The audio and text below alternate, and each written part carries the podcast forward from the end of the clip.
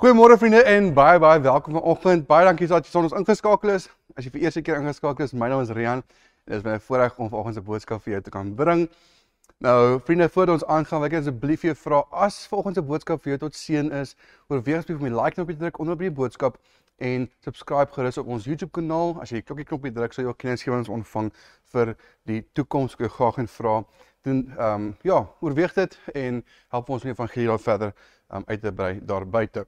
En dan jy kan ook die boodskap gerus share, daar's 'n share knoppie daaronder. As jy die share knoppie druk op WhatsApp of op Facebook, die boodskap met jou vriende deel, ek jou graag vra om dit uit te deel. Help ons evangelie te um, uit te dra. Ons wil graag hê soveel as moontlik mense moet na die boodskap beluister, want ons wil graag hê hulle moet die woord van die Here hoor. Nou, vriende vanoggend, as jy ons bediening wil ondersteun, kan jy gerus gaan na www.gesinskerk.co.za en daar's 'n geeskakel met 'n bietjie meer inligting indien jy ons ook finansiëel wil ondersteun. So ons is besig met 'n reeks die Bybelse idiome. Jy kan gaan na bybelstudie.co.za en jy kan die Bybelse boekie daar aflaai. As jy hom geafgelaai het, die PDF is gratis al beskikbaar. As jy in omgewing is, kan jy gerus vir jou boekie kom optel of as jy ver is, kan jy ook 'n boekie bestel teen R40 vir 'n sagte band boekie en ook koerier en posgeld. Nou Vanoggend se tema is hoe om minder klippe te gooi. Hoe om minder klippe te gooi. En dis 'n baie mooi foto hier van die vuurtjie met die ander vuurtjies om wat nog potensiaal het om te brand. Hierdie vuurtjie is uitgebrand. Hy's in die middel in die kollig. Almal kyk vir hierdie klein vuurtjie en dit is my so mooi simbolies van hierdie vrou in die ehm um, in die teks wat ons vanoggend gaan lees waar sy ook tussen al die mense staan, die vrou wat op met oorstel, oorspel betrap is. So vanoggend se tema is laat die een sonder sonder die eerste klip gooi. Of ek ek ek dink ek weet wat se naam om te noem nie en daar's 'n paar mense dalk nog gebruik. Aan een is laat die een van julle wat skoon geweet het eers 'n klip op haar gooi, maar ek hou van iemand sê hoe om minder klippe te gooi want ek dink baie keer al op bedoel ons dit nie oordeel ons nog steeds mense op 'n manier. So as hierdie beginsels volgens kan toepas gaan ons minder klippe gooi vir mense daar buite. En ek wil hom Johan vra wat dink hy toe sê? Man sê sommer hou op om klippe te gooi. Stop dit. En dit sommer net so reguit as hy daar gaan ons. Maar ek het was ek het was gehak by hoe om minder klippe te gooi. So vriende blaai asseblief saam met my in jou Bybel na Johannes 8 vers 1 tot 11 ons gaan daarso saam die hoofteks lees met voor ons lees. Kom ons dra net die boodskap op aan die Here Vader, ek sê vir U dankie vir die woord, Here. Dankie dat U woord lewend en kragtig is. As daai kan leer, Here, help vir ons dat dit ons leer en dit ons lees in ons lewens toe, toegepas sal word sodat mense U liefde en genade daar buite sal kan beleef. Ons sê vir U dankie, Here, dat ons vanoggend mekaar kan wees. Al is dit net aanlyn, Here, weet ons dat U is by ons, U is met ons waar ook al ons self bevind. Ons is nie alleen nie. Kom maak ons bewus van U teenwoordigheid. Amen. Amen. Nou vriende, Johannes 7:53, die die paragraaf begin eintlik daarso. Ek gaan hiervan lees. Hierna is hulle elkeen na sy huis toe. Maar Jesus het na Leefwerk toe gegaan. Die volgende môre vroeg was hy weer in die tempel en die hele volk het na hom toe gekom. Hy het gaan sit en hulle geleer. Die skrifgeleerders en die fariseërs bring toe 'n vrou wat op oorspel betrap is en laat haar in die middel van die kring mense staan. Hulle het hom gesê: "Meneer, hierdie vrou is op heterdaad betrap waar sy oorspel gepleeg het. Moses het ons in die wet beveel om sulke vrouens te stenig. Maar u, wat sê u?" Dit het hulle gevra om hom uit te lok sodat hulle iets kon kry waaroor hulle hom kon aankla. Maar Jesus het gebuk en met sy vinger op die grond geskrywe. Toe hulle aanhou om hom te vra, het hy regop gekom en vir hulle gesê: "Laat die een van julle wat 'n skoon gewete het, eerste 'n klip op haar gooi." Daarna het hy weer gebuk en op die grond verder geskrywe. Toe hulle hoor wat hy sê, het hulle een vir een begin wegloop. Die familiehoofde eerste. Jesus is agter alleen agtergelaat saam met die vrou daar in die middel van die kring mense.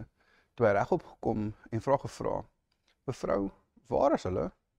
Het nie een van hulle die oordeel oor jou voltrek nie?" "Niemand nie, Here," sê sy. Toe sê Jesus: "Ek doen dit ook nie. Gaan maar en van nou af nie meer sonde doen nie. Nou vriende, hierdie is my 'n baie baie kosbare teks. Dit is 'n baie mooi oomblik waar ons Jesus se hart beleef deur die mense in die hart van die Fariseërs en die Sadduseërs. En vanoggend se tema, hoe kan ek minder klippe gooi? ehm um, gaan ek drie dinge uitlig. Drie dinge uitlig wat ons hier kan leer. Maar eers net gou vinnig 'n bietjie agtergrond gee, net vinnig weer deur die teks hardloop. So die skrifgeleerders en fariseërs wil Jesus heeltyd uitvang. Hulle probeer die heeltyd Jesus in 'n lokval plaas, by 'n strik plaas. Hulle wil graag 'n saak teen hom kan maak sodat hulle hom kan aankla, hom kan doodmaak. Dit is hulle dis hulle doel, dis hulle agenda. En hulle plaas plaas hom in 'n lokval in die geval en hulle bring 'n vrou wat oor, op oorspel betrap is. Sy het oorspel gepleeg en hulle bring haar voor Jesus en hulle en hulle stel die strikvraag en sê volgens die wet moet die vrou gestenig word. Wat sê u? En die wet van Moses vereis eintlik dat beide die man en die vrou gestenig moet word, nie net die vrou nie. So hier kan jy al klaar sien die fariseërs twis 'n bietjie die skrif. Hulle sê volgens die wet moet die vrou gestenig word, maar die wet sê eintlik die man en die vrou, want in Deuteronomium 20:20 lees ons wanneer 'n man betrap word terwyl hy gemeenskap het met 'n ander man se vrou, moet die man en die vrou wat gemeenskap gehad het albei doodgemaak word. So moet jy die soort kwaad tussen die Israeliete uitroei. So die man en die vrou is omstaan doodgemaak te word. Die feit dat net die vrou bring, laat my 'n bietjie vra van maar waar is die man? Hoekom is die man nie hier nie? Was ook deel gewees van die komplot. Ehm um, weet wat is wat is hier aan die gang of hulle dalk die Here ehm um, die mense se sag maak vir net 'n vrou doodgemaak nie die man ook nie. Weet mense ook meer jammer voel. Ek weet nie. Maar Jesus probeer argument eers vir my. Dis is ook interessant weet hy hy is al moeg vir hierdie fariseërs en, en skrifgeleerders en hulle vra vir hom hy kyk af en hy gehoor hulle eers. En toe nou ander ander ander kyk op en vra vir hulle maar hoorie as jy eens kon gewete het, gooi dan die eerste klip. Laat die een wat skoon gewet het eers 'n klip gooi. En dit is baie slim. Hy gooi die bal terug in hulle baan en hy en hy, en hy los dit by hulle oor en hy kyk af. En dit is nogal van mooi dat hy afkyk eintlik. Half soos hy ignoreer hulle eintlik, maar hy gee ook kans om weg te loop, om stadig te verdwyn sonder om in die oë te kyk indien hulle dalk sou skaam voel of iets soos dit.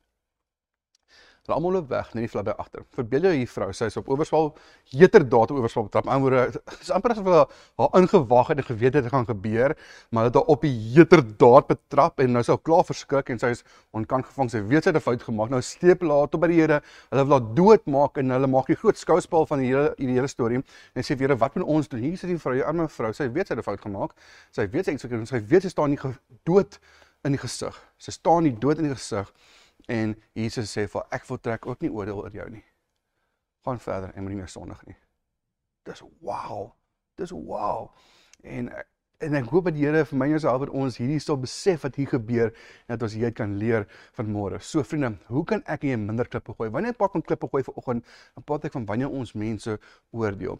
Iemand wat dalk iets doen of sê, en ons oordeel eintlik die persoon, nie net die daad nie. So ons sal byvoorbeeld weet dink, okay, hierdie ou is 'n slegte persoon, hy's 'n sondaar of hierdie persoon is nie op my vlak nie of hy's nie my tipe mens nie. Wat ook jy dalk mag dink, maar as ek praat van klippe gooi, dan bedoel ek ons wil mense eintlik oordeel vir wat hulle doen of wat hulle sê of hulle foute en ook dat ons wil graag hê die persoon moet nou gestraf word vir wat hulle dalk ehm um, doen of sê wat ook al die situasie mag wees. Dit is wat ek bedoel wanneer ek praat van klippe gooi net soos in die geval waar die vrou wou gestenig het. So, hoe kan ek minder klippe gooi? Nommer 1, ondersoek jou motiewe, gesindheid en agenda. In Johannes 8:6 het ons gelees dit het hulle gevra om hom uit te lok. Wat is die fariseërs se hele se agenda was, hulle wil Jesus in 'n lokval plaas. Hulle wil Jesus uitlok so hulle iets kon kry om hom aan te kla. Die Fariseërs wil hierdie vrou stenig, nie omdat hulle die wet wil onderhou nie, nie omdat hulle die om om sy verdien nie, maar hulle wil eintlik Jesus uitvang. So hier kom hulle met 'n vrou en hulle wys al haar sonde uit en hulle wil haar doodmaak, maar eintlik wil hulle doen net om hom uit te vang. So hulle kom met hulle kom met 'n baie skewe, slegte en geheime agenda of motief na die Here toe.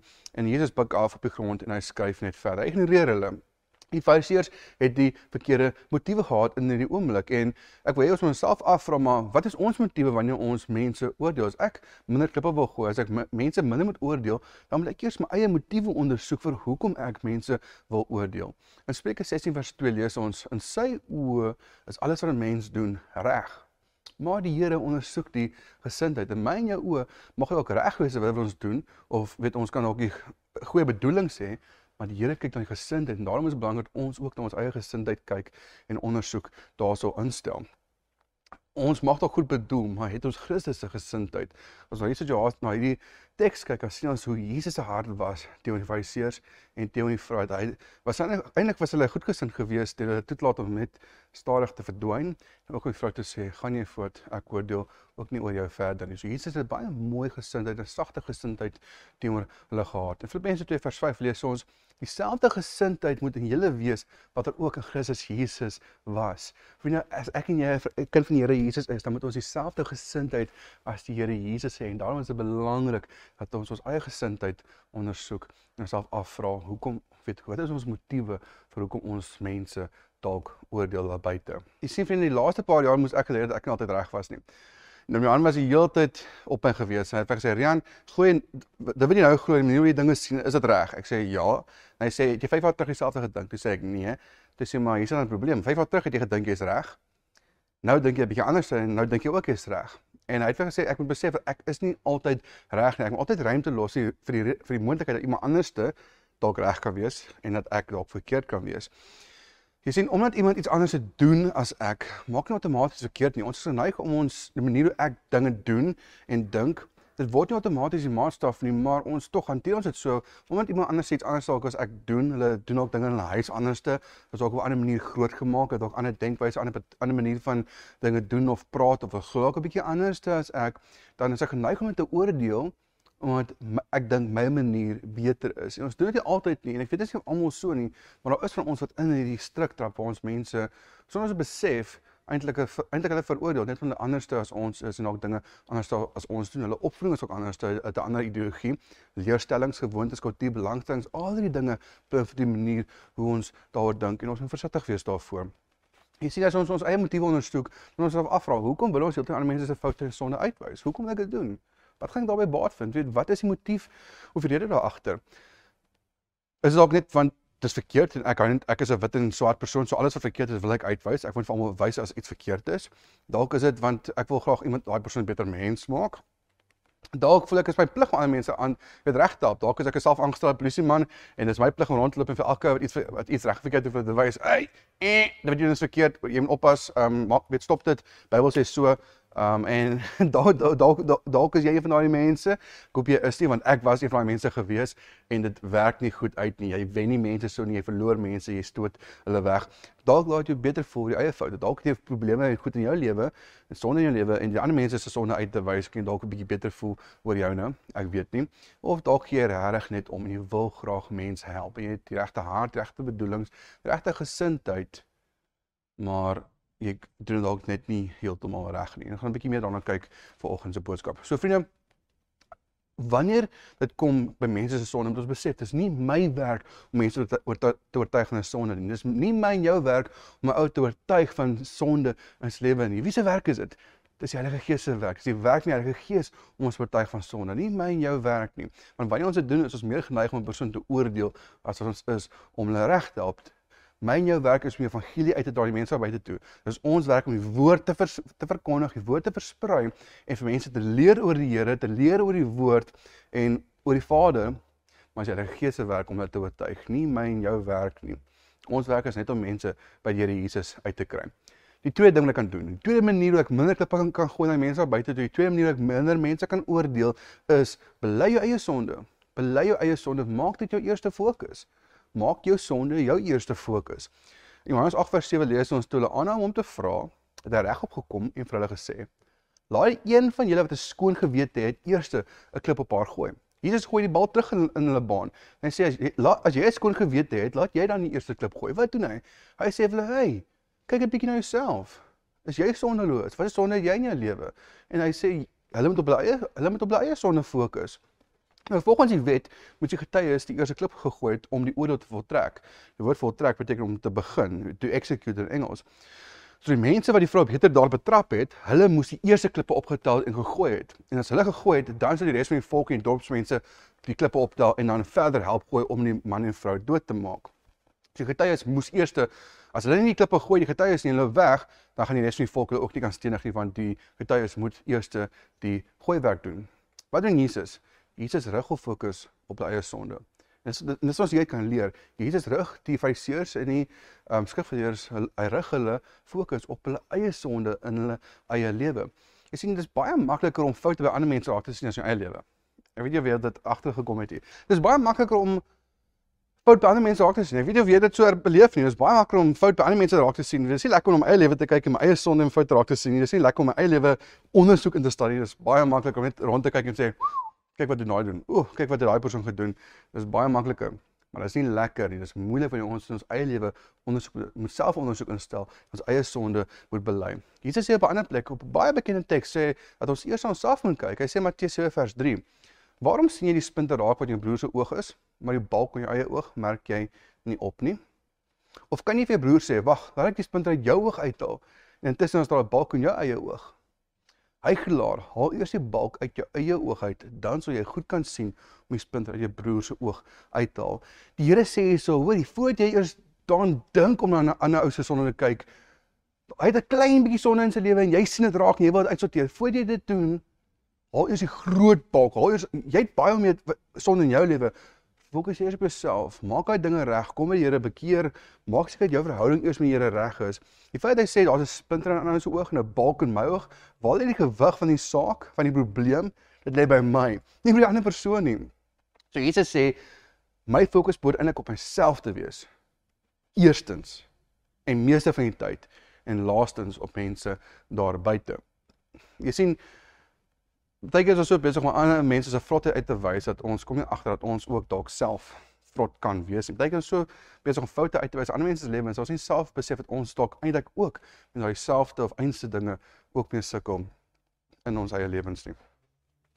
Ons almal is sonders van natuur. Wanneer ons gebore word, het ons die status sondaar. Ons is 'n sondaar van begin af en net deur die Here Jesus aan te neem, kan ons 'n nuwe status kry wat sê ek is gered. En wanneer ek 'n sondaar is en ek wil 'n ander ou wat sonde doen uitwys, dis dis een blinde man wat 'n ander blinde man probeer lei. Hulle albei is blind. En ek is 'n wetsoortreder. Dis wat hier gebeur in die Fariseërs. Hulle het nie selfde sonde as die vrou dalk gedoen nie. Maar hulle besef hulle is ook nie sondeloos nie.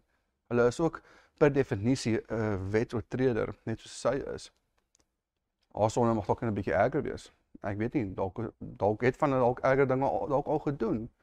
Maar omdat ons almal van nature sondaars is, moet ons baie versigtig wees voor ons so ander mense hulle sonde wil uitwys. Ons self-evaluasie doen, op onsself fokus en nie op ander mense daar buite nie. Ons moet sondes bely. En Johannes 1:9 sê as ons ons sondes bely, God is getrou en regverdig. Hy vergewe ons ons sondes en reinig ons van alle ongeregtigheid. Kosbare vers. Ek maak maar die vers, die vers het by my wyse van geet ek my hart vir Here gegee het. Vriende, Dis dis wat Here van ons verwag. Hy wil hê ons moet ons sondes bely dat hy, hy vergewe ons en hy reinig ons en was ons skoon van alle ongeregtigheid en hy herstel ons in 'n in 'n lewende verhouding met die Vader daar buite. So ons is nie sondeloos nie. Alhoewel Here ons red en ons reinig, Ons sal nooit sondeloos kan wees nie want ons lewe nie in 'n volmaakte liggaam nie. Die nuwe hemel en aarde is nog nie, die Here het nog nie gekom nie.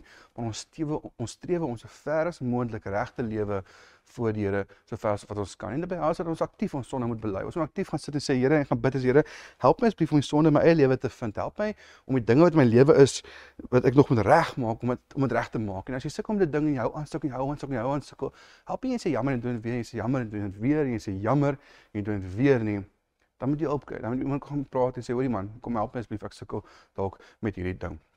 Ons fokus vriende, wanneer kom by klippe gooi, moet op onsself wees. Nie by mense buite nie, maar op onsself. Elkeen van ons gaan self by Here eendag verantwoording doen. Dis nie my werk om ander mense verantwoordelik te hou nie. Hulle gaan self by Here verantwoording moet doen vir hulle vir hulle foute.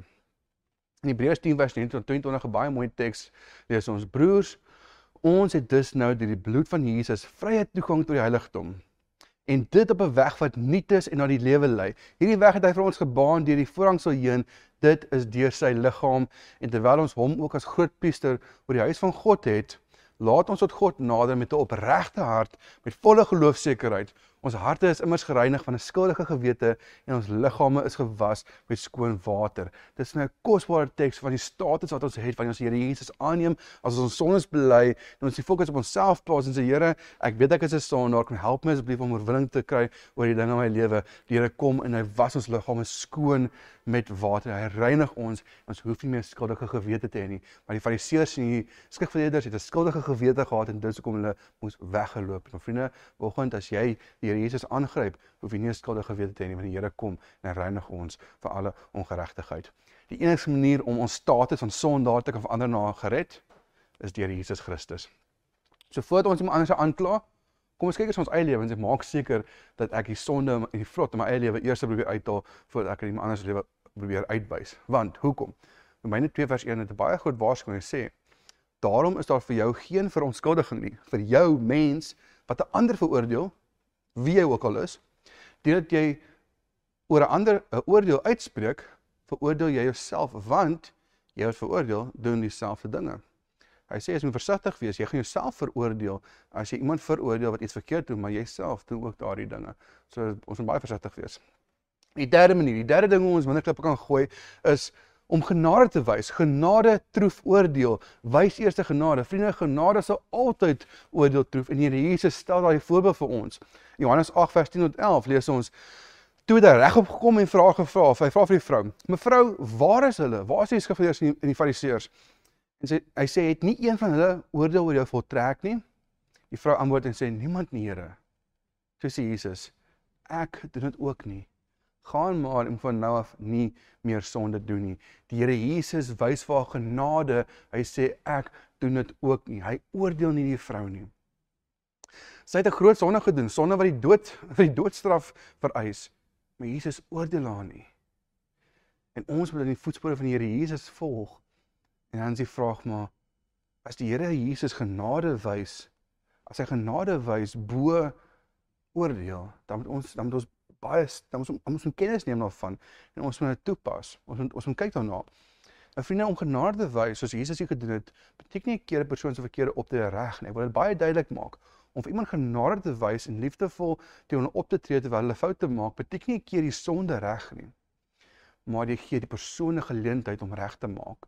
Jy gee die persoon 'n geleentheid om te kan herstel of om iets daaraan te kan doen of om jammer te kan sê of om te bely of om te verander wat ook die situasie dalk mag wees. Wanneer ons genade wys, dan maak dit ook nie vir iemand ondraagbaar nie. Jy skop nie hond wat lê nie. Jy saai 'n persoon in 'n stok wat klaar seer het nie. Jy help hulle, gee hulle 'n manier uit. En dis wat die Here Jesus hier kom doen. Sy voel klaar so sleg. Sy staan die doodstraf in die oë. Jesus sê, dis genoeg. Ek gaan jou ook nie oordeel nie gaan verder. Net net nie meer Sondag nie. Eenvoudig is dit. Hy het nie vir 'n preek gegee nie. Hy het nie vir die Lewiete voorgeles nie. Hy het nie vir gesê, "Hey, kyk wat sê die Bybel hierso." Weet die Bybel sê so so en so op om dit te doen nie. Hy het gesê moenie moenie verder gaan Sondag nie. Sy het geweet wat sy verkeerd gedoen het. En baie keer weet mense ook wat hulle verkeerd doen. Maar hulle het nie nodig dat ons vir hulle uitwys nie. Hulle het nodig dat ons vir hulle lief is en Here Jesus vir hulle wys en vir hulle genade toon en hulle help met die Here Jesus uit te kom. Ons moet nie verwag wees van jou sondaar sondige dinge doen nie. Ons moet verwag wees wanneer 'n ongeredde persoon ongeredde goed doen nie. Partyke verwag ons van 'n ongeredde persoon soos 'n geredde persoon op te tree. Ons werk is om 'n ongeredde persoon by die Here uit te kry eers gered kan word. Dan kan ons verwag dat hy reg moet begin optree. Vriende, ek en jy het 'n beter kans om iemand te bereik met genade as wanneer ons hulle oordeel. Wanneer ons hulle oordeel, dan ons hulle weg. Ons wen hulle nie. En verloor ons die kans wat ons het om iemand dalk te help en te wen vir die Here. Jesus het nie geoordeel nie gaan weer sê Jesus het nie geoordeel nie. Vriende, Jesus het nie omgegee wat mense dink nie. Hy het nie omgegee wat mense dink van sy woorde nie. Hy het nie of hy het nie omgegee as hy nie na hom luister nie. Hy het nie mense veroordeel nie. Kyk mooi die volgende teks. Dit is ook voor by teks kom. Dis nie my jou werk om mense te oordeel nie.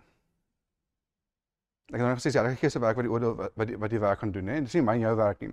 So Jesus self wat die woord is, wat die seun van God is, wat die Here is, die almagtige, wat die heilige is, hy oordeel nie mense wat nie steur aan sy woorde nie.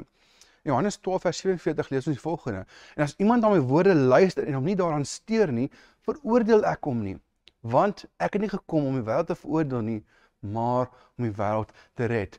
Vriende, hierdie is 'n wow vers. Dit is 'n wow vers hierdie. Jesus sê ek het gekom om die wêreld te red, nie om te oordeel nie. Jesus se hart is om mense te red, nie om hulle te oordeel nie. Jesus wil nie die wêreld veroordeel nie, hy wil mense red. En dan sê hy as mense nie aan my woorde luister nie, ek steur my nie daaraan nie. Ek sien hom vir hulle sê, "Hey, jy is sleg, jy gaan hel toe nie."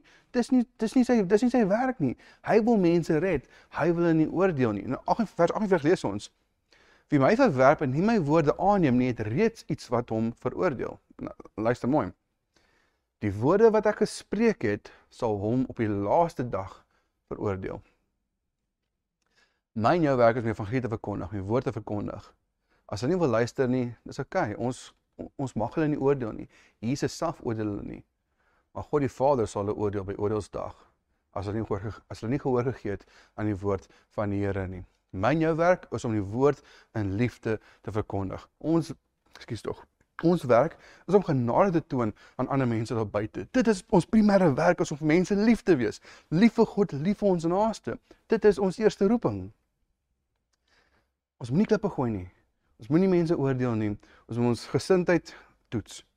Ons ons eie sonde bely en vriende aan ons genade wys Ons moet genadewyse mense daar buite. Ons moet lief wees vir mense. Ons moet mense met sagtheid en deernis hanteer. Ons moet almal met respek en deernis hanteer, ongeag wat hulle aangevang het en vriende baie keer doen ons dit nie. Baie keer vang iemand iets aan en dan welkom jy dalk oordeel met my woorde nie. Die feit dat ek nie met hom wil vir 'n selfig dalk nie met hom wil praat nie, met hom wil gesels of wil kuier nie. Die feit dat ek hom dalk vir my om soos 'n malaatse hanteer, oordeel ek hom eintlik op die ou en af van die dag. So ons aksies kan baie vinnig wys ons wel iemand ehm um, veroordeel as gevolg van hoe ons fisies teenoor mense reageer. Ons mag dalk altyd met ons mond dinge sê om mense te veroordeel nie. Maar ons gesigsuitdrukkings kan dalk wel. Neem aan en my vrou, my vrou veral, moans met my, sy sê my gesig wys alles. As iemand as iemand iets sê, dan maak ek net ek begin so frons. Weet ek weet jy jy so iemand ken nie. As as jy as jy sien 'n persoon doen iets dan soos wat? Wat jy nou gedoen of jou gesig val sommer so. Ehm um, en ons moet versigtig wees daarvoor want deur net dit alleen te doen kan 'n kan 'n ander ou ervaar dat ek hom oordeel. Doen dalk nie, ek probeer nie, maar ervaar dalk so, um, bring dit afstand tussen my en daai persoon, dan kan ek hom nie meer bereik nie. Daar sal oordagsdag kom wanneer dit terugkom, maar tot dan vriende word die oordeel uitgestel. Ons hoef nie mense um, te oordeel nie as ons 'n verhouding met die Here Jesus het, dan hoef ons ook nie oordeelsdag te vrees nie. En ek, as jy nie die Here Jesus ken nie, dan wil ek jou vra, kom met die Here Jesus uit, want as jy die Here Jesus aangryp, gaan jy nie die oordeelsdag hoef te vrees nie. In Johannes 4:7 lees ons: Hierin het die liefde sy doel volkome met ons bereik. Ons het niks te vrees vir die oordeelsdag nie. As ons die Here Jesus ken, dan is sy liefde en doel volkome in ons bereik. Ons hoef nie die oordeelsdag te vrees nie, want in hierdie wêreld lewe ons reeds deur die liefde net soos Jesus. Liefde vriende staan sentraal en vanuit liefde vloei alles nou deur ons van God na ons naaste toe. Nie ons mense praat, nie ons na hulle kyk, hoe ons oor hulle dink, hoe ons oor hulle voel, hoe ons ook hulle hanteer en ook teenoor hulle reageer. Nou, ek sluit af met die laaste punt. Ons moet wel oordeel. Nommer 4 is help mekaar in liefde. Ek wil sê ons moenie mekaar oordeel tot nou toe nie, maar nou sê ek help mekaar in liefde. Ons moet wel oordeel. Maar ek nou, nou dink jy Marian, jy het altyd gesê ons moet nie oordeel tot nou jy sê ons moenie oordeel, ons gaan nie oordeel nie. Nou sê ons moet wel oordeel. Wat bedoel jy? Kom ek sê vir jou wat bedoel ek daarmee? Weinig min het ons onderskei tussen die sonde en die persoon. Jesus stel 'n baie mooi voorbeeld hoe hy dit doen. Weinig min het ons onderskei tussen die sonde en die persoon. As dit nie so was nie, dan sou ons nie mense van ons af wegstoot of vir my wat dalk sekere sondes of dinge dalk doen wat ons nie goedkeur nie. In Johannes 8 vers 11 sê die vrou niemand nie Here. Jesus antwoord daar. Ek doen dit ook nie. So hierso Jesus oordeel haar nie, hy wys vir genade, maar dan doen hy die volgende. Gaan maar. Gaan maar en moet van nou af nie meer sonde doen nie. Jy sien Jesus wys vir die persoon genade, maar hy oordeel wel die daad. Hy noem die daad nog steeds sonde. Hy noem dit ietsie moois nie. Oorspel is 'n lelike ding, want dit bring nie eer aan die Here nie. Dit is verkeerd. Jesus sê dit is sonde. Hy los dit net daar. Hy sê gaan voort en moet dit net nie weer doen nie. Hy tref onderskeid. Hierdie daad is sonde. Maar vir die persoon wys hy genade. En ons moet dit by die Here Jesus aanleer wanneer ons met mense werk, dat ons vir mense genade wys sonder om die daad goed te keer, kan ons nog steeds vir die persoon genade wys en 'n verhouding met hulle bou en hulle help en hulle bystaan. Al keer ons nie die daad goed nie, maar gewoonlik is ons geneig om die baba saam in badwater uit te gooi. Ons, ons ons moet by Jesus leer dat ons dit nie doen nie. Toe sê Jesus ek doen ook nie gaan maar en van nou af nie meer sonde doen nie. Die klem hierso is op die sonde, hy het nog steeds dit sonde genoem. In Galasiërs 6 vers 1 lees ons: Broers, As iemand in een of ander sonde val, moet julle wat julle deur die Gees laat lei, so iemand in 'n gees van sagmoedigheid reghelp. En pas op, jy kan self ook in die versoeking kom. Vriende, as jy sien jou broer of suster in die kerk in die liggaam van gelowiges doen iets verkeerd, dan het ons 'n verantwoordelikheid om hulle te help.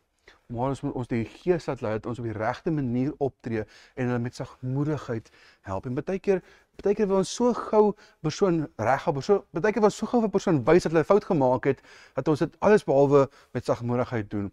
En dan dan kom nie wenig altyd iets goeds daarvan af nie. Mense loop by die kerk uit, mense rap mekaar se tone en mense kry seer en dan weet dan wonder ons maar weet waar is persoon ek kan probeer help, ek probeer wys ag, hulle seker my ongered.